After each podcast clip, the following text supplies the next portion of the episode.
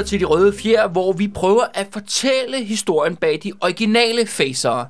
Netop korsfarerne, korsriderne. Mit navn er Kalle Kylmand over for mig, der sidder Mads Dyrholm. Og med os et eller andet sted her i rummet, der er Saxo Grammaticus' ånd. Og øh, vi er tilbage med endnu et afsnit, og øh, nu skal det handle om en fyr, der rigtig gerne vil på korstog. Netop ham, der hedder Magnus den Stærke.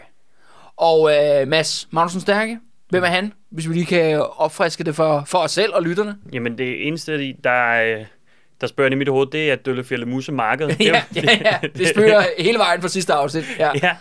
Øhm, så vi fik et indtryk af, at det var, altså, en mand af måske lidt få ord, i hvert fald ikke, du, du sagde, at det var de ikke-københavnske salonger. Ja, det var det modsatte, ikke? Det var jo. Lars Tølskids pløjemarker, ikke? Det var yes. det, det var, ikke? Og, hvor uh, Knud Lavert, han, han var ham her, der stank af, af udlandet, ikke? Og, jo, jo, jo. Og, og kom dyr med, med udlandsparfume. Ja, og, fine fornemmelser og, og ville alt muligt, og så har måske vi altså... Måske medlemskab af Politikken Plus, ikke? jo, jo, jo. I baglommen, ikke? Ja. ja. Og så har vi Magnus den Stærke, som det, jeg egentlig har af indtryk af ham, det er ligesom, at han er modsætning til det her. Det er to rivaler. Så, så simpelt kan det siges. Det er jo sådan her, at på daværende tidspunkt, vi befinder os stadigvæk omkring 1123 i Danmark. Øh, gamle Nils er konge, hans ældste søn, eller eneste søn på det tidspunkt, det er Magnus den Stærke. Og så er der altså Knud Lavard, som er søn af Erik Ejegod, altså Nils' storebror, mm. som var konge for år tilbage. Men Nils har været konge rigtig længe mm. på det tidspunkt. Men det er jo sådan her, den dag Nils dør, så kommer der til at være et valg på Isøre Tinge, og der er der to kandidater, der kommer til at stille sig op. Alt peger på det. Selvfølgelig Magnus, hans egen søn, fordi ja, han er kongen, det er naturligt, at han bliver efterfulgt sin søn, men så er der jo så også storebrors søn, altså henholdsvis øh, hans nevø, Knud Labart, mm. eller Knud Brøduddeler. Mm. Og det er jo klart, at Knud, han kommer med en hel masse resultater i, i, i tasken til det her valg. Alle ved ligesom, okay, hvilken vej vinden kommer til at blæse. Øh, for det første jo, som sagt, han har været i, øh, i det store Tyskland, han er blevet uddannet hos den tysk-romerske kejsers hof. Han har øh, draget ned, han har været, eller han er hertug af Slesvig, han er stadholder af Slesvig. Han har simpelthen brændt dødszonen ned den her grænse mellem øh, de kristne og Vendernesland, eller Hedningesland, den er nu blevet gennemhullet som en si, ind af alle de huller, der strømmer simpelthen kolonister, altså saksere og danskere, som Knud Lavard leder simpelthen i et folkemord, en etnisk udrensning, der er i gang med at æde Vinterlandsland op. Mm. Han har simpelthen slået portene åbne. Der vores historie starter, der starter korstoget, kan man sige, lige der, hvor Danmark slutter. Mm. Men nu har Knud altså lige rykket den grænse der, lige et par hundrede kilometer øh, længere østpå. Og det er her, det starter, og så bevæger det sig af. Og når du ruller Knud Lavards øh, CV op på den her måde, så er jeg ja. meget spændt på, hvad du kommer til at sige om Magnussen Stærke nu, for indtil videre har vi ikke hørt så meget. Nej, lige præcis. Og mm. det er jo det, kan man sige, dagens episode handler om. Det handler ligesom om, at, at øh, Magnussen Stærk, han prøver ligesom at komme tilbage. Han prøver at selv øh, lancere et øh, korstog, for ligesom at prøve at genvinde det tabte. Så han, netop, han, fordi han ved, at han er bagud på point. Mm. Han ved, at han kommer til at tabe det her valg ved øre tinge den dag, hans far Nils dør. Og derfor okay, siger, holy fuck, hvad skal man gøre? Og det er jo det her, hvad er det mest prestigefulde, hvad er det mest signifikante, du kan kaste ud i det her, det her tidlige middelaldersamfund? Ja, tage til Sverige. Ja, eller jeg skulle sige, det er at komme på korstog. Oh, ja, okay, okay, ikke, at tage til, ikke at tage til Sverige. Men tilfældigvis åbner sig en mulighed for, op, for at, ligesom at drage på korstog i Sverige. Men det er også lidt nemmere end at tage til det her lille land, ikke? Jo, jo, eller måske også lidt nemmere i forhold til bare at tage ned til Vinterlandsland og ja. kæmpe gennem en eller anden dødszone og sådan noget, ikke? Altså der, der kan vi sige, der er svenskerne måske lidt uh, mere lige til. Og hvorfor kan han drage til, uh, til Sverige på et korstog? Jamen det er fordi, at der skete det ret vilde, at Sverige, som har været et kristenland, eller i hvert fald officielt på papiret, siden 990'erne, altså nu er vi jo så lige tilbage øh, kan man sige nærmest der, hvor vores historie startede. Der blev jo Sverige kristne, men nu er de femme skiftet rundt igen og blevet hedning endnu en gang. Ja, og det er jo det, jeg bliver nødt til at forklare lidt, uh, lidt forhistorie her. Ikke? Det er sådan her, at ja, Danmark går jo over til kristendommen, officielt i hvert fald, på papiret, i 950'erne.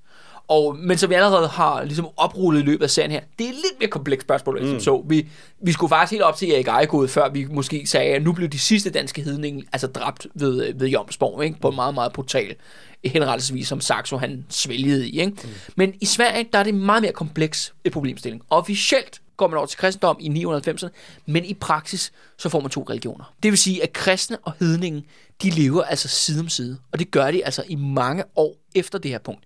Og de er det, sådan er det også her i 1123, eller deromkring. Og det er sådan her, at den svenske konge, som har, er også på valg, ligesom i det danske system, valgkongssystem, har prøvet at gå en balancegang, hvor at hver gang at han har været til stor gudstjeneste, så bliver han altså også nødt til at tage et smut forbi Uppsala. Mm. Og det er det, jeg rigtig gerne vil tale om i den her episode. Det er simpelthen Uppsala. Mm. Vi har allerede snakket om det før, Mads, i forhold til det, vi har kaldt, eller jeg kalder, Places of Power. Mm. Men der er altså et sted, som er meget mere magtfuld, hvor magien er helt vild i Norden. Mm. Og det er det her sted, Uppsala. Jeg har selv været der, og det er jo ikke fordi, at nu kan man sige, det er jo så mange år efter, så meget magien er gået af, men jeg vil dog sige, at det var et sted, der godt nok efterlod øh, sådan et indtryk hos mig. Og, og det her, det er simpelthen, det er hedningenes svar på øh, Sankt Peterskirken, mm. eller på Jerusalem. Altså vi taler faktisk om et tredje religiøst centrum i Europa. Altså henholdsvis, ja, du har Rom, du er Jerusalem, og så har du altså Uppsala. Og så siger jeg, og folk tænker, Uppsala, det har jeg sgu aldrig hørt om. Jamen det er altså, i dag er det en svensk universitetsby, der ligger Ja, i hvert fald en, en, en små 100 km nord for Stockholm. Øh, og det, ja, og domkirkeby også, ikke? Ja, jo, jo, jo. jo, jo. Det blev også i, i, i et kristne Sverige, blev det jo også et religiøst centrum. Ja, det gjorde det, ja. Mm. Og ved du hvad, Mads, det er også ret interessant, apropos en lille, hvad hedder det, krølle til, øh, til Grevens Fejde. Det dumme svin, Gustav Vasa, ham der ødelagde Kalmarunionen, da han blev kronet til Sveriges konge i 1523, og dermed de altså, faktisk gjorde Sverige til et selvstændigt land for første gang, kan man sige, i deres historie, altså fuldstændig fri af Danmarks kontrol, der blev han sgu nødt til at tage til Uppsala. Mm. Og han blev nu faktisk nødt til at gå op på en af de der tre store, kæmpe gravhøje, der okay. er der, og blive kronet til kongen der. Og, og det siger lidt om okay, det her. Vildt nok. Det siger lidt om det her steds magt. Ja. At der snakker selv, vi altså 400 år senere ja, i vores ja, historie. Ikke? i 1523, hvor ja. at Gustav Vasa og Christian 3. og Christian 2. de alle sammen slås om, hvem er mest kristen på den protestantiske måde i Nordeuropa på det tidspunkt. At der bliver han fandme nødt til alligevel mm. at gå forbi det der sted. Og, og, og der er også tegninger af det og sådan noget. Og det er, han står om på en, en hedensk offerplads og tager kronen på ja. og erklærer, at nu er Sverige selvstændig. Og, og det er jo det der med det grinerne er selvfølgelig, de snakker om i Guds navn og bla bla bla, alt det her. Men de står altså det mest hedenske sted, det mm. mest okulte sted, de, altså i hele det her land, altså i hele Skandinavien, der bliver han altså nødt til at krone sig selv til kongen. Og nu har vi jo kastet om os med Game of Thrones og Ringens Herre-referencer, ikke? Jo, jo, jo, og, og, der... og lad, os da, lad os da ikke stoppe. nej, nej, nej, det er jo det. ja. øh, og det, jeg kommer bare til at tænke på, i, i, uh, i Game of Thrones, der er man jo også, der er kongen jo også King of the Old Gods and the New. Ja, ikke? jo. Og det, det minder mig bare lidt om det her, ikke? Altså, at, at Gustav Vasa, han skal både være kongen i, i, i, i kristendommens navn, men det er altså også de gamle, de gamle guder, dem fucker man stadig ikke helt med. Nej, nej, nej, man skal i hvert fald, altså, og det er jo det sjovt, det med, at kan sige, alle de andre svenske konger, der kommer efterfølgende, følte ikke et behov for at gå forbi nej, nej. Uppsala.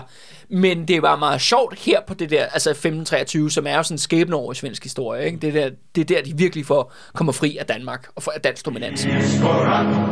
Rauf und ran, setzt aufs Klosterdach den roten Hahn.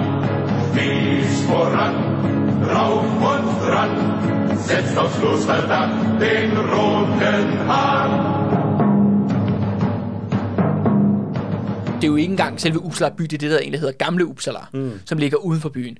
Øh, og det er øh, domineret af de her tre kæmpe store øh, gravhøje, og der er sådan en stor slette ude foran, som man vurderer, at øh, der er simpelthen det er tusindvis, ja, 10.000 vis af pilgrim. Altså det kalder de det så ikke, når det er ordinator. Det, det er formålet at dyrke med den religion. Men der er kommet 10.000 vis af mennesker for at holde øh, gigantiske festivaler. Mm. Og have, hvad hedder det, hesteløb og alt muligt ude på den her slette. Så I skal forestille jer, altså et sted, hvor at, øh, ja, det er, altså, det er faktisk nærmest lidt en Roskilde Festival, for folk har deres eget telt med, og slår op på en gigantisk øh, ja, græsmark, som det egentlig er, og så er der de her tre høje i baggrund, og så begynder de ellers at ofre mennesker. Der er selvfølgelig lavet udgravninger her, mm. altså i moderne tid, og, øh, og det viser sig faktisk, at man har fundet nogle nogle øh, stolper, fordi det er jo det, det handler om. Der er de her tre høje, og så er der et kæmpestort trætempel. Mm. Og det har man så lavet udgravninger på, og man har faktisk, hvis det passer, det de har fundet frem til, så har den her træbygning været øh, næsten ligesom stor, som Sankt Peterskirken er i okay. dag. Så vi taler om den største bygning nord for Alperne, mm. når vi befinder os her i starten af 1100-tallet. Mm. Så det er et kæmpe sted. Mm. Og det er, ja, som sagt, et gigantisk vikinge-trætempel. De siger, at tagene er belagt med guld. Altså det er simpelthen guldtage, der er. Og der er sådan en eller anden gigantisk guldjernkæde, der spændt rundt om hele templet. Mm. Og det er jo det der med, at når folk kommer ridende for at deltage i den her festival, eller, eller offringer, eller hvad det har været, jamen, så har du set det der guldtag blinke i det fjerne, og i takt med, at du rider tættere og tættere på. Ikke? Mm. Altså et fuldstændig øh, ja, vanvittigt site. Og det er sådan en af de her tempel, og det her det er en beskrivelse fra en munk, som påstår, han har været der. Ikke? Er det Adam af Bremen? Eller? Ja, jo, ja, lige præcis. Ja. Eller han kender nogen, der har været der. Ikke? Ja, ja, ja, ja, så han er jo ligesom med Saxo, ikke? han løber også med en god historie. Ikke? Men lad os nu bare tage det for, for gode varer, mm. at, at, at det er det, han, øh, Det, altså, det er rigtigt nok, ikke? Eller i hvert fald noget af det er i hvert fald rigtigt. Øh, inde i det her tempel, der befinder sig der tre øh, kæmpe store statuer af træ. Mm. Og det lyder som noget, vi kender ja. fra Vinternes Land, ikke? Ja, ja, Øh, men det er så øh, tre guder, som vi kender rigtig godt. Mm. Det er selvfølgelig øh, Odin, mm. og det er Thor, og så er det Frej. ja. Og det er sådan her, at øh, Thor, han har selvfølgelig Thors hammer. Selvfølgelig den, der laver regnvejr og lyn og torden og så videre. Odin, han har et spyd, fordi han er jo også krigsgud og gudens konge. Og så Frej har en gigantisk, øh, meget, meget stiv penis. Ja, fordi han er så øh, frugtbarhedsguden, ikke? Ja. Og det her tempel er også, øh, hver træ, træstatue har sin egen ypperste præst. Hmm. Eller præst af en slags, en religiøs øh, vogter, øh, som passer hver sin gudstatue. Og det er sådan, det her tempel altså, er simpelthen bliver fyldt op med, ja, altså, alt efter hvad folk de ønsker, eller beder om, eller af gudernes nåde, eller held, eller hvad det skal være, jamen, så offrer de alt for, ja, simple madvarer, genstande, til i sidste ende heste og mennesker. Mm. Og det her tempel har altså simpelthen lugtet af død og øde- ødelæggelsesmasse, mm. hvis vi skal tro på de her kilder. Altså det er et tempel, der smår det med blod, og de siger også, at i de helt store festivaler og fejringer, så ender det faktisk ofte med, at de her vogtere af templet, de smører de her store træfigurer ind i blod mm. for de nylige ofrede. Meget imponerende bygning, men når man kommer indenfor, altså hvis man kunne, hvis man kunne lugte det her sted, ikke? Ja. så det, det er en blanding af, af ja, lidt træ, og så rigtig, rigtig meget gammel blod, ikke? Og, ja. og døde lig, og sådan den der øh, tung, tung lugt af forrådelse, ja. må det have været, når man går ind i det her tempel. Det er jo så ligesom en ting, men ved du hvad, Mads, det vilde er, at det der skide tempel, ikke? det er sideshow. Det er faktisk bare en port. En port ind til det rigtige. Noget endnu ældre. Mm. Som er derfor, hvorfor Uppsala er Uppsala. Fordi nede bag ved det her tempel, fordi det- ja, du kommer ind, du skal forestille dig, først er der sletten, så er der de tre gravhøje med nogle svenske savnkonger af en slags, som har ligget derinde. Den ene er faktisk en kvinde. Sjovt nok har man lavet udgravning og fundet ud af, at det var en kvinde, der lå inde i højen. Og så, ligesom når man passerede de tre høje, det er den ene høj, det er der, hvor at, øh, Gustav Vasa blev nødt til at rej- gå, gå op på den. Så kommer du til templet. Og templet, øh, når den kæmpe, gigantiske bygning slutter, så fører den ned til sådan en lille øh, dal, hvor der er så en stor trælund mm. med gamle, gamle tunge egetræer, som man selvfølgelig har hængt heste og hunde og mennesker op i. Men det er ikke finalen. Fordi inde i bagerst i den lund, der er der simpelthen et kæmpe træ. Mm. Altså et kæmpe egetræ. Og det er jo så der, hvor historien, kan man sige, om man vil vælge at tro på det eller ej. Det her træ derinde, det skulle altid være grønt. Mm. Hele året rundt. Altså, det er Yggdrasil, ikke? Ja, Ja. ja. også om vinteren. Ja. Altså et træ, som aldrig nogensinde visner. Mm. Et gigantisk træ, som aldrig visner. Og, og det er jo sig selv, hvis det passer, eller det bare har en lille snært af sandhed, så har det virkelig været vildt for de her folk. Jo, men uanset hvad, så er det jo en, altså, det er jo en, det er en religiøs kulisse på en eller anden måde. Ikke? Man prøver at etablere et, et mikrokosmos for det, hvad kan man sige, mytiske, religiøse makrokosmos, som er hele historien om Yggdrasil og Odin, der hænger, altså nu skal jeg øh, Ja. på, hvad jeg siger, ikke? men hvis jeg, Jo, jo, husker, jo. hvis jeg husker historien rigtigt, så er det, at Odin hænger sig selv i træet i ni dage. Ja, for så- at lære runerne, så ikke? for, og, så, Ja. og så finder han runerne, ikke? så finder han ligesom sproget på en skriftsproget. Ikke? Ja. Hvad kan man sige, den her kult, der er omkring det her sted, det er ligesom, man etablerer et mikrokosmos af den store myte, som ligger rundt om det hele. Ikke? Jo, eller også kan man sige, at det her sted er, det er måske det, der skaber mytologien. Ja, ja, ja, klart. Altså, det kan også være den anden vej rundt. Altså, Ja. hvad ved jeg? Øh, og det er jo Og det er jo det, og, og det, er det med det- mikrokosmos og makrokosmos, ikke? Og det, her, det, er træ, spejling det, af hinanden, det, ikke? det her træ, det ser man intet af selvfølgelig i dag, Nej, hvis man bevæger sig rundt. Det er klart, det, man finder ikke et gigantisk uh, evigt sted til grønt træ. Nej. Men efter sigende også, der er det her store træ, som er også er selve guden, har jeg lyst til at sige. Det er det centrale. Men åbenbart for det her træs fod, der er der åbenbart sådan en form for, ja, kilde kalder de det. Det der så jeg heller ikke et skid af, der var i Uppsala, skal jeg sige. Mm. Men jeg har set noget, der mindede om det mm. i, uh, i Island. Øh, Der er jo det der Tingvillir sted, det der, som er islændings store øh, hellige sted, hvor de har mødtes og øh, hvor de har mødtes og diskuterer alle mulige ting og sådan nogle ting. Men der har været offerkilder øh, rundt omkring, og de her offerkilder, det er nogle meget meget små dybe søer. Altså hvor vandet er meget blåt, men lige pludselig de er bare dybe, og så lige pludselig så bliver det jo mørkt, så kan man ikke se en skid. Og efter sine, så er det sådan her, når man er gået hen til træet, ikke? Man, man offrer sig, man offrer, dræber, dræber, dræber, for at komme hen til træet, og når man så kommer hen til kilden, så er det ligesom siger, okay, så har man simpelthen mulighed for at ønske en magisk genie af en slags, ikke? Mm. Og det man så gør, er, at man bliver nødt til at ofre et menneske til det. Mm. Og det her menneske, øh, ja, jeg tror nok, man skærer halsen over på det først, men mennesket skal i kilden.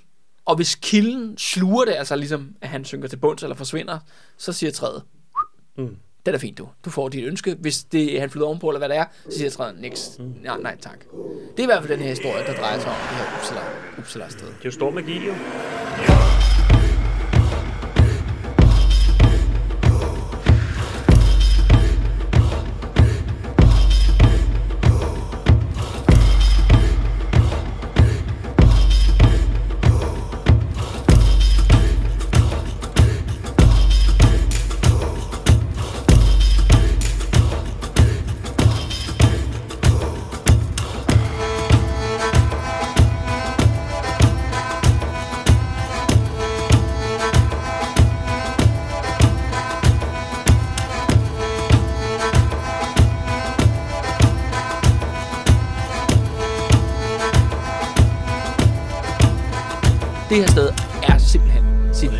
Og det er jo det med den svenske konge, er det her dilemma.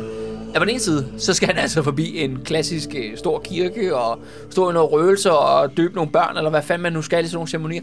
Men så skal han altså også lige forbi det der træ der. Ja. Og det her tempel, det her site, mm. og det der med, at den svenske befolkning er faktisk delt i to. Mm. Og, men i lang tid, for mange øh, folk nede på gulvet, der er det altså ikke et problem. Nej. Du ved, man kan også abonnere lidt på det ene og lidt på det andet, ikke? Øh, Ved du hvad, jeg føler mig sgu lidt kristen i dag. Mm. I morgen føler mig som heden, ikke? Mm. Alt Det er ikke, fordi man tror, bare fordi man tror på nisser, behøver man ikke at udelukke elverne jo. Nej, Altså, nej, nej, nej, eller fuldstændig afskrive dem. Ja. Så, så, så, øh, så skåret sten er det slet ikke. Ja. Og det har langt de fleste svensker det rigtig fint med. Ja. Men det bliver i takt med, at årene går, et mere, mere kan man sige, et udenrigspolitisk problem mm. for den svenske kongemagt. Eller hvad der er, altså, er en undskyldning af en svensk kongemagt på, på det her tidspunkt. Det er jo ikke fordi Sverige ligefrem er et øh, sted, der er nemt at holde sammen på på det her tidspunkt.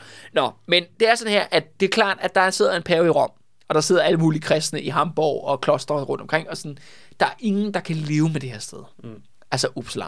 Øh, om det passer med det der træ eller ej. Så de kan ikke leve med, at der er så et, et, et faktisk et, et stort religiøst centrum, som er en direkte konkurrent til dem selv. Så der bliver lagt mere og mere pres på, for der skal ske noget. Og det fører så til her i 1123, at der har med Sverige en konge, der hedder Inge. Ligesom ham, den retarderede Det har, dreng. det har været et vanvittigt populært Ja, navn i ja der, var, der var et eller andet lige der, hvor at, øh, alle skulle hedde Inge. Ikke? Altså, Ja. det, det var bare, det var ligesom det Og så drengenavn kom det år. tilbage omkring sådan 1920'erne, 1930'erne, vil jeg sige, for kvinder i Danmark. ja, lige præcis. Og, øh, og så forsvandt det lige så stille og roligt igen. Ikke? Men, der, men det er jo Inge, ikke? Altså, det kan være, det får et comeback ikke? på et ja. eller andet tidspunkt. Nå, men ham her, Inge, han, øh, han er en god kristen. Og han er faktisk konge i mange år i, i, i Sverige. Men til sidst altså, føler han det her pres fra de andre kristne trosfælder om omkring i Europa. Han, ja, det er ikke, fordi han øh, angriber Uppsala eller noget, men han nægter bare at komme og ofre dig. Mm. Altså han ligesom siger, ej, ved du hvad, jeg holder mig til den religion, jeg kender, øh, jeg har kun én Gud, og så videre. Og det bliver svenskerne skide sure over. Mm. Og det ender faktisk med, at de har sådan et showdown på de der tre høje ude foran templet, hvor at den svenske 10.000 vis af svenske hedninger er samlet, og, øh, og, han, og de kræver, at han skal ofre, fordi sådan har vi altid gjort. Øh, det skal du fandme ikke komme her og lave om på. Mm. Og, øh, og så, siger, så nægter han, hvorefter de så begynder at kaste sten efter ham. Han bliver simpelthen altså, angrebet, buet ud, og det ender faktisk med, at han må gå i landflygtighed i et par år. Og der sker så det, at svenskerne... Hvor tager man en eller anden flygtighed, når man Jamen, han tager til, han tager til Norge. Ja, okay. ja, ja, ja. Det er, og det skal så siges alt efter, hvad hedder det, hvad der, de tre lande, de tre kongeriger, Danmark, Norge Ja. ja. og Sverige, alt efter hvem der ligesom er on top i de forskellige lande, så kan at oppositionen kan altid bo i ja. de andre lande. Ja, fedt. Så det vil sige, at øh, på, på, på, på, på vores tid, altså, hvor Niels er konge, så er der garanteret nogle oppositionssvensker og oppositionsnordmænd, der bor i Danmark. Ja. Og når det så er tid den anden vej, så kan man rejse, yes. Yes. rejse den anden vej. Ikke? Ja. Og, og, på den måde, det fungerer rigtig fint. Ikke? Ja. Men ingen han bliver nødt til at skride helvede til, og så afholder svenskerne ret uhørt et, endnu et kongevalg. Altså, mens den rigtige konge, kan man sige, mm. stadigvæk er i live. Et hedningekongevalg. Ja, et hedende kongevalg. Og de valget falder simpelthen på Blodsvend. Mm. Det er altså et navn, der vil noget. Og han hedder jo Blodsvend, fordi at, øh, hvad det første, han gør jo, det er jo vildt ind i det her tempel. Og hente den der trækud, og bare begynde at ofre en masse. Altså for at plise, mm. for at plise guden. Så der bliver spildt øh, rigtig, rigtig, rigtig meget blod. Øh, og der går nogle år faktisk, hvor at, så er Sverige faktisk frafaldet. Og i Danmark, der er vi gået over til brøduddeleren, ikke? Og Harfod, ikke? Jo, og, jo, og de jo, andre, jo, ikke? jo, jo, lige præcis. Og, og ham den hellige og lidt, ikke? Ja, så mens Og- alt ja. det, vi snakker om i sidste episode, det foregår af hudhej, vilddyr, kamp i dødszonen, og Ja. Knud Lavar, der er virkelig, altså, øh, tvangskristne folk mm. hele vejen ned i deres, hvad hedder det, gravhuller, ikke? Altså, ja. så foregår det her i Sverige. Ja. Og det kan man jo så sige, puha, det var jo ikke lige det, der var den store idé med korstog, det er, at hele nation lige falder fra, Nej. øh, som egentlig var kristet. Mm. Altså, det er, jo, det, er jo, det er jo ikke det, der var planen, vel? Og nu har vi, nu har vi snakket meget om det der med, hvad, hvad det gør ved et folk at være så tæt i kontakt med, med vild natur, ikke? dyb natur, og ja. Det fremmede, og det ukendte, og det mørke, og sådan nogle ting. Ikke? Og der er Sverige jo bare en helt anden størrelse, end Danmark er. Det må man sige. Altså ja. Fuldstændig vanvittig vildnis og ukontrollerbar natur, ikke? Jo, jo. som de fleste svenskere jo lever i daglig kontakt med. Så derfor tænker jeg også, at det, at det, er, en meget, det er en langt sværere proces. Og det er jo det sjove ved Uppsala, fordi det er jo egentlig en, en blanding. Mm. Det er jo en blanding af noget meget sådan menneskecivilisatorisk bygning, gigantisk tempelbygning. Ikke? Mm. Altså det er meget sådan, okay, men det er også, ligesom, så viser man også sin civilisation, sin kultur, sin samfund er nået til et vist stadie. Men Mm. mm. finalnummeret altså er en, en ting fra naturens verden. Ja. Det er jo meget sjovt med den her kombi. Og der kan man sige, at kristendommen er jo virkelig, det er sten, ikke? Jo. Det er høje bygninger, og det er byer og sådan noget. Og det kloster, det er, hvor man behersker naturen. Mm. Her er det faktisk en form for Virkelig. in- integration af natur mm. Og civilisation. Ja. Hvor at, hvor, ja, og det kan man så, ja, det kan man jo drage alle mulige paralleller og interessante tanker til i dag, men det der med kristendommen ligesom væk med naturen, eller den totale kontrol over naturen, ikke? Naturen Jo. skal tjene os. Ja. Øh, ja, Nå, det er også, kan man sige, øh, det kan man filosofere rigtig meget over. Ja, og det er sådan, det, jeg ved ikke, det, det er sådan kristendom, jeg sætter også lidt som sådan, du ved, sådan landbrugets, landbrugets religion på en eller anden måde, ikke? Jo, jo, altså, det er jo ikke fordi, at hedningen ikke er store, bønder, admi- men store altså- administrationsprojekt, ikke? Jo, Jo, ja, ja, klart hedninger er bønder, men det er bare, i, i Sverige, du kan bare ikke være bønder på samme måde, som du kan i Danmark, fordi du kan ikke, altså, du kan ikke beherske naturen. Så du Nej. er, også nødt, du er også nødt til at leve i pagt med naturen samtidig. Og når man har levet i naturen på den måde, så tror jeg, at man har en helt anden virkelig opfattelse af, af magi og, og kræfter, som er større end en selv. Fordi du kan ikke kontrollere. Du kan ikke kontrollere Nej, de svenske nej. skove og klipperne og bjergene. Altså, dem kan du aldrig tage kontrol over. nej. Så derfor så tror jeg, at magien lever på en helt anden måde, og kan ligesom stikke sit ansigt frem på en anden måde, end det kan ud af de danske, plø- de danske pløjede marker. Ikke? Det hele ender med, at øh, Inge han kommer så tilbage til Sverige, altså nogle år efter, øh, hvor Blodsvend så har været konge i nogle år, og øh, simpelthen på et øh, snigmorder-togt. Mm. Han har en lille udvalgt skare med sig fra Norge, og de rejser dybt ind i Sverige, og finder faktisk Blodsvend på hans, øh, hans gård ved Uppsala. Og det ender med, at de brænder gården af og Blodsvend af. Så han er simpelthen, han bliver, han bliver dræbt mm. i den her proces. Inge får erklæret sig selv som konge igen og tager magten, og så sker der så det jo, at han angriber Uppsala-templet. Mm. Altså simpelthen, bygningen bliver brændt af, plyndret, øh, og træet der bliver, bliver fældet. Hvad årstal snakker vi her? Jamen, altså det er meget svært at få styr på kilderne her, men vi befinder os i et eller andet space der i 1120'erne. Okay, det er fandme synd, hva'? Ja, det kan man sige, ikke? Altså, og, det- og, Jeg kan det, da godt sidde her lidt bitter, altså. ja, det er ikke, i dag kan man jo besøge Uppsala, og det, men Ja, ja. det er jo en skygge af sig selv. Ja, selvfølgelig. Men man kan godt få en fornemmelse af, at det her har meget, været et meget, meget vigtigt sted. Ja. Øh, og det er jo også det der med, hvis, hvis Norden skulle være gået en helt anden retning, mm. altså bygget faktisk en uafhængig civilisation. Øh, det kan man sige, det er jo det der er Nordens, øh, øh, i hvert fald det meste af Nordens historie, det var at det der med, at vi aldrig kom, blev en del af Romeriet. Mm. Og derfor blev vi aldrig en del af kristendommen, da den der blev etableret i Romeriet. Og derfor havde vi ligesom vores egen ting i så mange år. Og der kan man sige, at Uppsala på mange måder er ligesom finalen på det her civilisationsspor, den her ja. Kultur, og den går til grunden her. Ja. Og, og så sker der jo det, at Ja, det og, så, det, og så tænker jeg også, altså, etableringen af riget i altså hele Nordsøimperiet, ikke? Jo, jo, jo, Kan man jo. også se, eh, også en slags finale. Og så Jo, her, jo, men der sker der så det jo, at man erobrer et stort kristen område, som er England. Ja. Og så sker der jo så det, som vi allerede taler om, det der med, at det, der fejler jo den hedenske kultur. Ja. At man bliver jo kristen. Det er jo, mm. ikke, man, det er jo ikke englænder, der blev som os. Nej. Det var os, der blev som dem. Ja. Men det er det der med, at Uppsala symboliserer kraften på, hvis det skulle have været noget andet. Altså, ja. vi taler om, at altså, det er jo helt stor klingen, ikke? Der er jo kun ganske få civilisationer tilbage på verdenskortet nu, mm. som man kan faktisk sige er sin egen. Mm. Man kan tale jo selvfølgelig om Vesten, det er klart.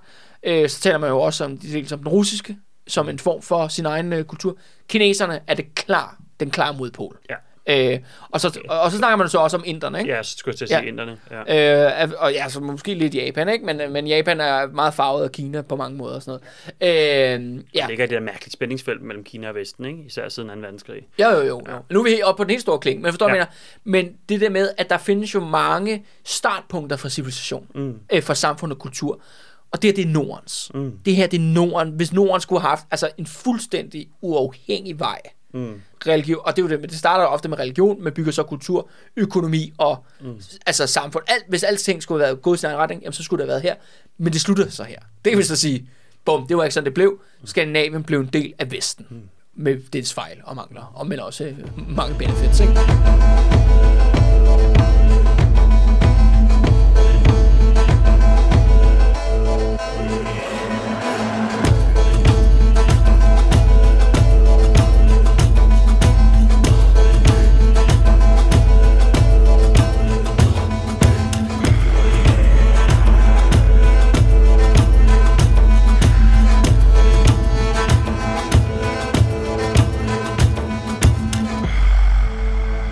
Uppsala øh, går under i røg. Men det betyder ikke, at hedningen er forsvundet fra Sverige. Man fjerner bare ikke en religion øh, overnight på den der måde, på trods af, at man så angriber deres, øh, deres helligdom. Og det, der faktisk sker, er, at Småland, som er jo nok en af de mest uregerlige urskovsområder, og det er det jo ikke bare her i 1120'erne, det kommer det til at være til ja, jeg har lyst til at sige, i hvert fald 1800-tallet. Ja. Øh, altså, øh, der kommer det til, altså det er, det er svært for den svenske centralmagt. Helt op til øh, Emil fra Lønberg. Ja, lige præcis. Ja, han er jo på mange måder den sidste smålandske øh, hedning. Ikke? Ja. Og, øh, og det, det er svært for øh, ligesom at kontrollere Småland, fordi det er et enormt stort, vildt område, øh, og der bor ikke så mange mennesker osv. osv. Øh, det område, det nærmest, det løsriver sig faktisk for Sverige og for Inges magt. Ja, fedt. Og de fortsætter altså med at dyrke deres hedning. De går simpelthen i opposition, opstår faktisk på sin vis en, en sydsvensk hedningestat. Eller ikke stat, det er så meget sagt. Hedensk område. Og det er så her, vores, øh, vores boy, mm. vores, øh, vores døllefjerde musse, hvad hedder det, fadelsmarker, mm. Monsen Stærk. Ja. Han kommer på banen. Fordi han ser jo, hvad Knud Lavard, tilbage til Knud Lavard, han, han, han kører med klatten nede i, det, i den sydlige del af Østersøen. Han tænker, ved du hvad, jeg, mm. jeg angriber simpelthen et sted, hvor jeg kan have det for mig selv. ja. Der er og, ikke nogen og gå til angreb på Tytteberg Meyer og Alfred og de andre. ikke? ja, lige præcis. Og hvad hedder det, kælegrisen der, og, øh, og hvad hedder det, lille søsteren i flagstangen, ikke? Nu skal de fandme have, Ja. ikke? Over, ind over hovedet, ikke? Så kan vi fandme vise hende der Astrid Lindgren, hvem, hvem der bestemmer her, ikke? Så han faktisk, i samarbejde med, øh, med nordmændene, øh, arrangerer simpelthen et korstog til, til Småland. Og det lyder jo, uha, vildt og dramatisk. Øh, men på mange måder bliver det meget antiklimaks. Alt øh, indikerer er, at da de sejler ligesom flåden op af de der øh, elvene op igennem Småland, at øh, de der smålændinge der, de overgiver sig pænt hurtigt. de, øh, de rækker hænderne op og siger, ved du hvad, bum, det er vi ked af. Det er vi ked af. Vi er ked af, at vi kom lige til at frafalde kristendommen nogle år. Øh, så de, øh, de underkaster sig Magnus. Ja. Og faktisk er der nogle af de her kilder, der siger, at Magnus faktisk bliver konge. Mm. Altså bliver konge af Småland. Ja. Øh, og de betaler store bøder til ham, altså så- for ikke at blive plyndret og dræbt alle Ja, ja, ja. sammen. Så vil de så betale en meget, meget hæftig, hæftig pris øh, for det. Og det var jo virkelig sådan, øh, øh, øh, ikke noget stort slag eller, eller noget som helst. Nej. Men der er dog en ting, han får med hjem, Magnussen Stærke der, som er ret interessant. Og det er det, Saxo synes er det mest spændende, og det synes jeg fandme også er spændende. Saxo beretter i Danmarks Krønike, at Magnussen Stærke, han kommer simpelthen hjem med Thors hammer. Mm. Historien går på, og det er jo så der, hvor det bliver en lille smule uklart, at der åbenbart er en ø i Småland, men det er jo det meste af Småland ligger jo langt væk fra havet. Øh, Så Det skal være en ø inde i, i, i søerne jo. det kan det være, det tænkte jeg også. Det kunne også måske være Øland. Det kunne måske være der, men jeg ved det ikke. Han siger i hvert fald, der er en magisk fredet ø, Ja, okay. hvor mennesker ikke må komme. Altså mennesker må ikke træde på øen. Og der er simpelthen et trætempel. Og inde i det tempel, der er der en gigantisk hammer af bronze. okay. Og åbenbart alle de her svenske hedninger, de tror, at det der, de Thors hammer. Ja. Og det er den, der laver torden. Den styrer vejret. Ja. Og Magnussen Stærk, han tænker, okay, jeg kommer herop, øh, ved, uh, pumped up, øh, klar til virkelig at, at nakke nogle folk, og så vil jeg bare underkaste sig med det samme, øh, og siger, vi skal nok være gode kristne fra nu af. Ej, okay, jeg skal, jeg skal fandme komme hjem med en ordentlig pris. Mm. Og derfor stjæler han Thors hammer Ja, klart. og bærer den med hjem. Og desværre kan man så sige, at øh, den er desværre ikke bevaret til den dag i dag. Det kunne ellers være, virkelig have været et, øh, det kunne være et fedt trofæ på Nationalmuseet at have den liggende. Ja. Øh, men, det, øh, den, men den bringer han med hjem. Og ret interessant er det, at øh, for det første øh, er der en anden kilde, der beretter, at da han gør det, der får vi sgu en solformørkelse Mm. i Skandinavien, eller i hvert fald i Europa. Og det, kan vi, og det kan man faktisk finde ud af jo ved at lave sådan nogle astronomiske målinger. Og folk har fundet ud af, den er god nok. I 1124 har vi simpelthen en solformørkelse. Mm. Kildens øh, tolkning er, at det betyder jo, at Gud er jo øh, meget pleased over, at øh, Magnus Stærke på den måde har slået et slag for kristendommen. Uh, man kunne jo også vælge at tolke den anden vej. man kunne jo også vælge at tolke, at guderne er rasende. Ja.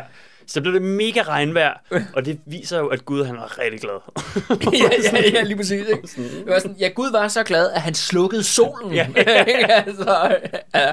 og, og, men det er altså der er nogen, der får den fortolkning. Ikke? Altså, ja. øh, og, og det er jo selvfølgelig naturens, øh, planeternes gang, tilfældighedens spil, at det her, det ramler selvfølgelig sammen. Mm. Øh, i det her. Men jeg vil tror godt nok, at hvis jeg var en meget, meget kristen fyr mm. øh, på den, så ville jeg nok, nok være bange. Altså, at have den der Thors hammer liggende. Altså, i, i et skuffe eller et skab et eller andet sted. Altså, det, det, det, er, jo, det er jo nok ikke lige være mig. Det minder mig lidt om den der fortælling, Kjell. Du, altså, kender du den historie om, om de her jøder i Etiopien, som påstår, at de har Ja, pagtens øh, ark. Ja, ja, ja. oppe i sådan en kirke, og den der kirke er jo bevogtet dag og nat af sådan nogle bevæbnede etioper, Ja, ja, ja, ja, ja, jøder, som er, man, altså man må ikke komme derind og sådan noget.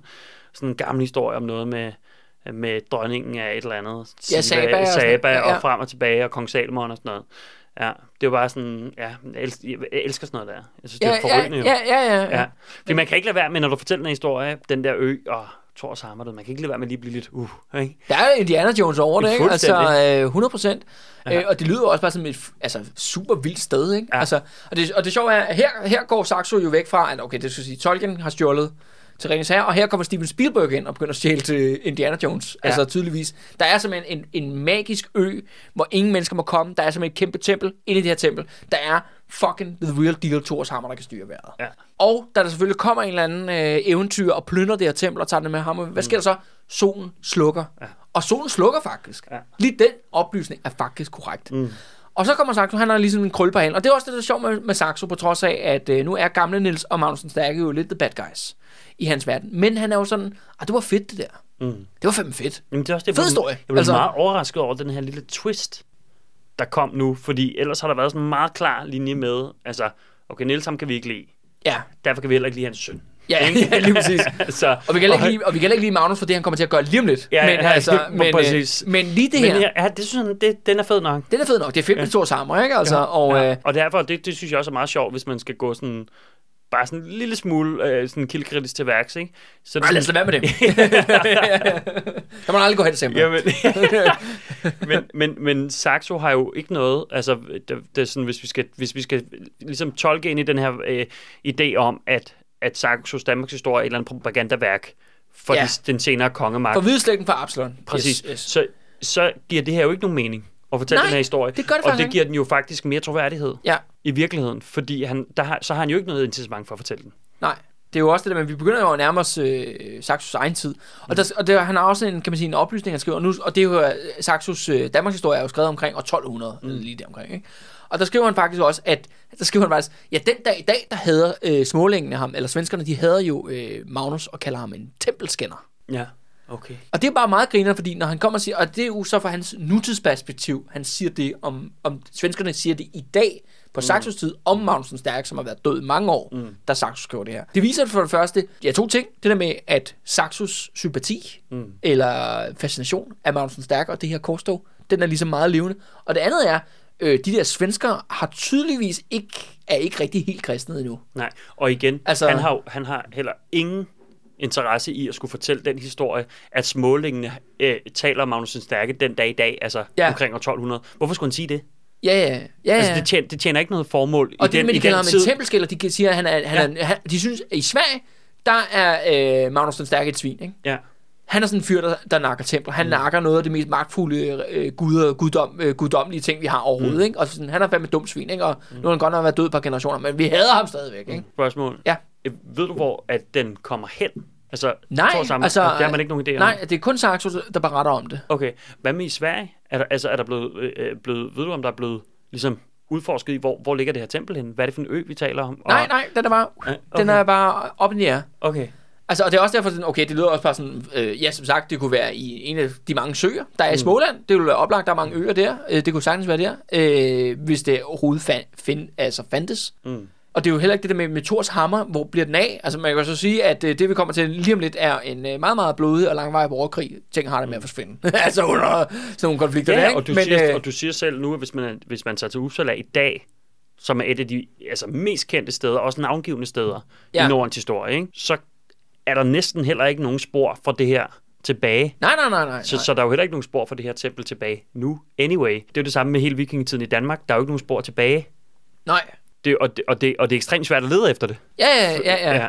ja. Så, øh, så det, ja, uha, nej, jeg fik helt sådan, øh, helt kilden i maven af, Jamen, altså, hvor- af hvor- den her grib- Indiana grib- Jones vibe, der kom ind Grib, over det hele. gribe din pisker og en Ja. øh, kobberhat og kom derud med, ikke? og find Jo. Thors hammer, ikke? Altså, det jo, hvem ved, det kan være, det dukker op en eller anden dag. Mm. Who knows? Altså, hvis det er blevet gemt et eller andet sted, ikke? bare været lidt i Sverige, ikke? men i alle de store søer i Sverige, der ligger der alle mulige små mærkelige øer ude Ja, ja, i søerne, hvor der ikke bor nogen mennesker. Det vil være et fuldstændig oplagt sted at bygge tempel jo. Ja, ja, helt klart. og lave en form for kult derude, hvor man ligesom skal rejse derud. Ikke? Man kan ikke komme dertil, man kan ikke gå dertil, man skal rejse derud med båd. Ikke? Og, og så apropos, derude, så ja, træder ja, du ind ja. i en magisk sfære. Og sådan, Jeg altså, har faktisk en, øh, en historie, der det er, lidt, det er lidt noget andet, men det handler faktisk om Gustav Vasa igen. ja. Øh, jeg overvejede jo, da Grevens Fejle var ligesom overstået, der overvejede jeg at lave en spin-off-serie, der bare handlede om Gustav Vasa. Ja, øh, fordi at, øh, jeg synes, han er et fascinerende dumt svin. Ikke? Ja. Øh, men det er sådan her, at øh, lige efter Grevens Fejde er ned, altså du ved, øh, Borg Bundealliancen er nedkæmpet i Danmark, det er slut i Danmark, så udbryder der jo en ny borgerkrig i Sverige. mm. som handler faktisk om rigtig mange af de samme spørgsmål under Grevens Fejde.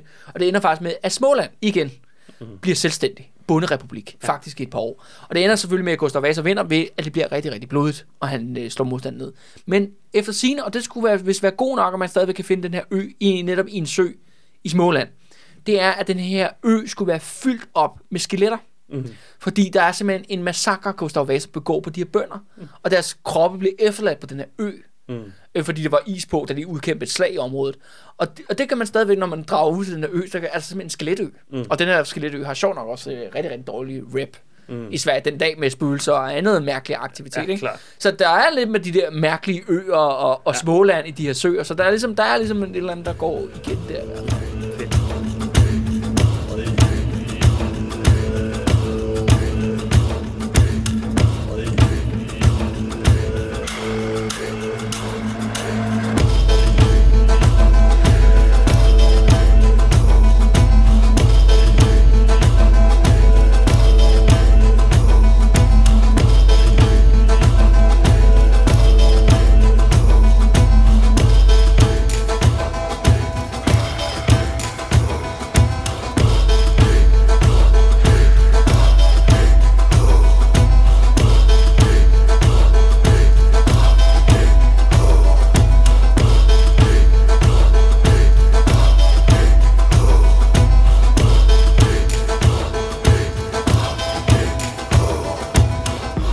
Det var jo, øh, kan man sige, en lang, men også spændende detur mm. øh, i, i forhold til Magnusens stærkeste korstog. Men som sagt, han kom hjem med, med Thors hammer. Det er rimelig nice, men det er bare ikke nok. Mm. Det er simpelthen ikke nok. Altså i forhold til Knud Lavard og hans chancer, hvad det angår. Og, øh, og, og tiden går. Nu skal vi faktisk 11.31. Øh, og, øh, og, og ja, Niels han bliver jo ikke lige fra med yngre jo, at nu har han jo snart puha 45 eller noget, ikke? Altså, mm. det er jo, han, han kommer til at stille træskoene anytime nu, ikke? Ja. Og, øh, og der er det sådan her, at, øh, at Magnus, han, øh, selv det skal siges faktisk, han har bare sådan en god relation til Knud. De har også kæmpet sammen jo. Øh, blandt andet øh, der i slaget dødszone og så videre, og de er jo også i familie. De er jo mm. fædre, mm. skal man huske på. Øh, men han, øh, der, han ser kun en udvej her, og det er snød. Mm. Det er simpelthen at nak Knud Lavart. Mm. Og nu kommer vi altså ned til en af de der afgørende punkter, kan man sige, i den der Svend Knud og Valdemar, øh, kan man sige, historie. I hvert fald, i hvert fald den vigtige forhistorie her. Og det er sådan her, at der er netop, øh, der er jul der, selvfølgelig, som der er jul hvert år, men der er jul i 1131. Og, øh, og det er sådan her, at faktisk så inviterer Magnus den øh, stærke øh, Knud Lamar til at komme til Roskilde. Altså mm. simpelthen forlade Slesvig og, øh, og, komme, og holde fire dages druk med ham i Roskilde. Det er pænt hyggeligt, de hygger sig, de er jo fædre, og de drikker osv. Så, videre. så øh, tager Knud væk, øh, hvad hedder det, den 7. januar 1131 begynder sådan at ride tilbage mod sit eget område. Men når ikke så langt før, at øh, Magnus han, øh, sender en budbringer efter ham og siger til ham, kan du ikke møde, møde mig ved Haraldsted? Jeg vil gerne lige mødes med dig, bro. Der er noget, der er noget jeg rigtig gerne vil snakke med dig om. Mm. Der. Kommer du ikke der? Og Knud, han er jo hjertens god, øh, godt nok sådan lidt SS-folkemor-agtig fyr, mm. men han er hjertens god, ifølge Saxo, ikke? På trods af alt det blod, han har på hænderne. Og han er også lige kommet til at lave Lübeck og så videre, Men han er hjertens god, så han gør selvfølgelig, han stoler på sin fætter, så han tager derhen. Det skal siges, på vejen, der møder han børn, gamle koner, mærkelige fugle og heste, der siger til ham, det er en fælde, bro. Ja. det, det, det, er en kæmpe, det er en kæmpe fælde. Ja. Du skal ikke tage dig hen. Ja. Men Knud, han er bare så god ja. i sit hjerte, ikke? Han siger, nej, nej, det er jo min fætter. Han, han, kan ikke have, han kan ikke have ondt i sind mod mig. Og derfor overhører han den ene farsignal, den ene røde lampe, der blinker på fuld smadre på vejen hen mod Haraldsted. Mm. Og det her Haraldsted, det er åbenbart lige sådan et, ja, det er der, hvor der er en skov, kan man sige, der begynder sådan et lysningeområde, kan man sige, ikke? Og, og Knud kommer ridende ud af, af skoven og ser, at, øh, at Magnus den øh, stærke, han venter på ham. Men Magnus, han har altså lige 20 mand med mm. i fuld plade. Altså fuld rustninger med svær. Og øh, Knud, altså han er jo selvfølgelig dresset op, han er jo i sit øh, fancy københavnske salongertøj, mm. øh, men han er altså kun et svær med. Altså han er ikke i, i kampberedder, han har også kun en, øh, en væbner eller to med øh, til det her møde. Og øh, han øh, går så hen og, og selvfølgelig hilser på, øh, på Magnus, og det, og det er så her, de kysser. Mm. Og øh, som, Mark, øh, som Saxo skriver, det er Judas kysset, ikke? Mm. Øh, men det, her er jeg bare en lille, hvad hedder det, biting til historien. Det, er jo, det grinerne er, at øh, på trods af alle de her mænd, vi taler om i vores historie, de er jo nogle øh, store, stærke voldspsykopater alle sammen. Men man skal bare lige huske, vi er i middelalderen, så alle mænd kysser. Mm. Det er bare lige vigtigt. Altså også alle andre personer, vi har talt om indtil videre, og at alle personer, vi kommer til at tale om fremadrettet, mm. de kysser altså, når de ses. Og de gør det på bunden. Ja. Det skal I bare lige vide. Altså, det er ligesom en del af middelalderen, fordi med, folk er meget mere kropslige og meget mere følsomme i middelalderen. Så det gør de. Så de, de, de snaver lige til at indlede, og det er jo der, hvor de er i en varm, en varm omfavnelse der, at øh, Knud han mærker lidt, øh, piller lidt ved, ved Magnus, og opdager, han har sgu ringbrynje Mm. inden under sit tøj. Det er ikke så godt. Og så kigger han så på ham, og så siger han, hvad er der noget lusk i spil? Og så er det her, hvor, hvor Saxo siger, der kunne man se lige pludselig, at, at Magnus' øjne, de blev mørke. Djævlen, Ja. Satan, var simpelthen i spil. Han er simpelthen, han bruger Magnus, som jo har været den her gode korsfar, mm. som har erobret Thors hammer for kristenheden osv. osv. Han går nu djævelens ærne. Mm. Og det er jo det der med, at i Saxos verden, jamen det kan jo kun være, fordi at, at Satan på en eller anden måde, djævlen er kommet ind og forgiftet hans hjerte, og får ham til at begå det her brudermor, som mm. det bliver. Og, øh, og Knud, han indser, nu indser han, at han er gået i en fælde. Han når lige at trække sit svær, hvorefter, men Magnus er selvfølgelig meget hurtigere. Han er også stærk, han har været på dyttefælde Muse hele formiddagen, så han er fandme pumped og klar. Og han simpelthen klyver Knud Lavars hoved i to med sit svær. Han er pænt død. Ligger der og bløder på jorden. Og så kommer de her 20 mand, Magnus har med, og simpelthen maltræterer livet. Altså, de stikker simpelthen alle sammen deres spyd. Altså, simpelthen fuldstændig splatter det her liv ud. Og så skrider de. Mm. Smutter de simpelthen fra gerningsstedet. Øh, og lader Knud Lavarts og de der bæbner, han er med, de bliver selvfølgelig også snakket, men dem gider man ikke snakke så meget om. Altså, hvad, det er jo, hvad hedder det, tjenestefolk, ikke? Knud, Knuds lige ligger der, ligger til, til, til, ja, til ulvene, til, til ravnene, så videre, så videre. Øh, der går dog ikke så lang tid, før at hvidslægten, og det er jo det hvidslægten der, som er jo store her, og Haraldsted ligger midt på Sjælland. Øh, det er jo deres, øh, deres område, og øh, de begynder selvfølgelig at, at søge efter, øh, efter Knud. Er der nogen, der har set Knud? Hvor er Knud henne? Og det ender med til sidst, at de finder simpelthen det her lig, der ligger ved Haraldsted. Mm. Da de finder det her lig, der beretter de selvfølgelig om, at lige ved siden af liget, der er lige pludselig sprunget en magisk kilde frem mm. af jorden, og det er selvfølgelig et vildt helbredende vand. Så alle de dårlige tænder, de havde, og det lignende, da de kom derhen, det bliver selvfølgelig helbredt. Og de kan selvfølgelig se, at Knud er øh, blevet nakket. Og det var jo sådan her, at som sagt, at Knud han mødte jo øh, børn og koner og mænd og heste og ravne og alle mulige andre, der for- fortalte ham, at, øh, at han ikke skulle derhen. Alle ved, at Knud har været til møde med Magnus. Mm. Så alle mistanke er selvfølgelig hurtigt rettet mod, at Magnus den Stærke har begået et, et mor, det her snigmor, eller ja, bare brutalt øh, mor. Og, øh, og de begynder så, at, at de, vil, de samler lid op, pakker det ind, og så vil de tage det til Roskilde. For de mener, at Roskilde har bare allerede på daværende tidspunkt, og Roskilde Domkirke, som vi også har talt om tidligere i vores historie, mm. har allerede nået, opnået den her øh, rolle, som at det er der, at kongefamilien egentlig skal begraves. Mm. Det er det, det er særlige, den kongelige kirke. Og de mener, at Knud Lavard blev jo så aldrig kongen. Men viderne er rasende. Mm. Fordi han var jo deres kandidat. Mm. Han var jo deres kongs emne. De vidste, at han var et sikkert bet. Ville jo 100% vinde det her valg. Men Magnus har altså snydt her på målstregen, og nu er der jo kun, når der kommer til at være kongevalg, nu er der lige pludselig kun én kandidat, mm. der er oplagt i det her tilfælde, og det er jo så Magnus selv, fordi hans far er jo konge. Ikke? Mm. Men de rasende, så de transporterer det her lig øh, ja, fra Haraldsted mod Roskilde. Og det er sådan her, hver gang de bliver trætte du ved, af bære livet, de bærer det på sådan en borg, og sætter ned, så sker der mirakel.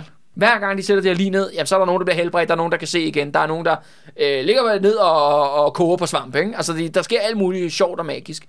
Men i takt med, at de ligesom drager derhen, jamen, så kommer der flere og flere mennesker til, at alle skjul bliver ødelagt mm. i 1131. Folk, øh, de går jo fra glæde og en ordentlig bimmerlemmer på det her juledagene til, at nu er alle i dyb sorg og græder som pisket. Mm. Fordi alle elsker Knud. Eller mm. i hvert fald alle dem videre har betalt, ja. for, for at de skal elske ham. Men det her følge, det bliver større og større, og selvfølgelig kommer Knuds brødre også. Mm. Altså henholdsvis Harald Spydspids og Erik Harfod mm. dukker selvfølgelig op. De kan selvfølgelig se, at deres bror er blevet myrdet i koldt blod. Mm. Så de er selvfølgelig rasende, og viderne er rasende. Fordi det er klart, at de her to, øh, to drenge her, de er jo ikke fordi, de har jo også haft deres problemer med Knud, og især med hinanden. Men Knud var jo også deres konge, mm. eller deres kandidat. Og det er jo klart nok, at når brormand er kongen, så betyder det nok også, at man kan have lidt flere tralle her, end man plejer at have. Mm. Altså i deres, i deres verden. Ikke? Så de føler sig også nyt. Og det ender med, at det her gigantiske følge når simpelthen til, til Roskilde og drager gennem byen. Og det er sådan her, at byen i Roskilde er faktisk også vidernes by. Så folk de bliver rastende. Og det her gigantiske optog, det kommer så op til domkirken. Og foran domkirken, der møder de så Nils og Magnus. Mm. Fordi de er jo her, fordi det er juledagen, og der skal man jo i kirke sådan mere eller mindre hele tiden. Ikke? Der er hele tiden nogen, man skal, man skal bede til. På den ene side har vi jo så henholdsvis Magnus den Stærke og Nils. Og Nils han har altså sin hirt med, og øh, som jeg i hvert fald kan forstå Saxo, så er der lidt flere end syv mm. hirtmænd. Det er altså en betydeligt større bodyguard. Mm. Altså Magnus har jo også sit hold med af mordere, og de her er jo bevæbnede folk, altså bevæbnede mænd, der beskytter simpelthen kongen og kronprinsen, som det jo reelt set er nu. Det vidner så også om, at Nils er helt bevidst om, hvad der foregår. Ja, jeg tænker, at Magnus har reddet direkte sporenstrejs og, ja. og ligesom fortalt, øh, far, jeg skulle lidt fucket op. Ja. ja, ja, jeg har brug for noget hjælp. Ja. Og så kommer så viderne og alle de her civile, altså civile folk, og selvfølgelig Harald Spydspids og Erik Harfod, de er så alle sammen ikke altså kampklar. Mm. De er ikke bevæbnet. Og de her folk går op til Nils, som der er deres konge, mm. og som jo har været en god konge. Ikke? Det er Anker for helvede. Mm. Ikke? Han har været en populær konge gennem mange ja. år, en mild konge gennem mange år, og siger, at de kræver, at Knud skal begraves mm. i domkirken. Han skal, han skal simpelthen ind i Roskilde Domkirke, fordi han er jo, han burde have været konge. Mm. Så han skal derind. Men det nægter Niels. Mm. Han siger, ja, men altså, regler og regler. Han lover en retssag, og han lover en undersøgelseskommission. Mm. Der, skal nok komme ja, ja. Til, der skal nok komme til bund til hele det her det her fiksfakseri, der foregår. Og, og, og Magnus skal selvfølgelig op og vidne, og selvfølgelig, selvfølgelig det skal gå færre til, og der skal være ja. tingvidner, og jeg skal komme efter dig, og så videre. Ja. Vi kommer helt til bunds i den her FE-skandale. ja, ja, lige præcis. Vi skal nok, vi skal, alting skal nok komme frem ja. i lyset, ikke? Hver en sten vi skal lover, Ja. Vi lover, ikke? Ja. Det ændrer ikke ved, at Knud aldrig blev konge. Nej. Hans plads er ikke i Roskilde Domkirke. Og han siger faktisk til dem, I bliver nødt til at tage til Ringsted med ham. Mm. Og Ringsted er sådan en by, som 100% er kontrolleret af viderne. Så der kan de sådan set gøre, hvad der passer dem. Øh, hvor Roskilde Domkirke er altså nu lukket for dem. Der begynder stemningen altså at stige. Nu begynder to ja. lejre at tegne sig op her mm. til den her den kommende konflikt. Altså henholdsvis uh, Nils og Magnus og deres bevæbnede mænd, og den her gigantiske menneskemængde er primært sjællændere, mm. som er rasende. Og så kan man så høre bagerst, starter helt bagerst i kolonnen, og så begynder det at blive højere og højere, og kommer så helt op foran, helt op til, til så det faktisk udløser, at de her hirtmændene, de trækker deres svær ud foran Roskilde Domkirke, kommer og slår tak, tak fast, hævn, hævn, hævn, borgerkrig,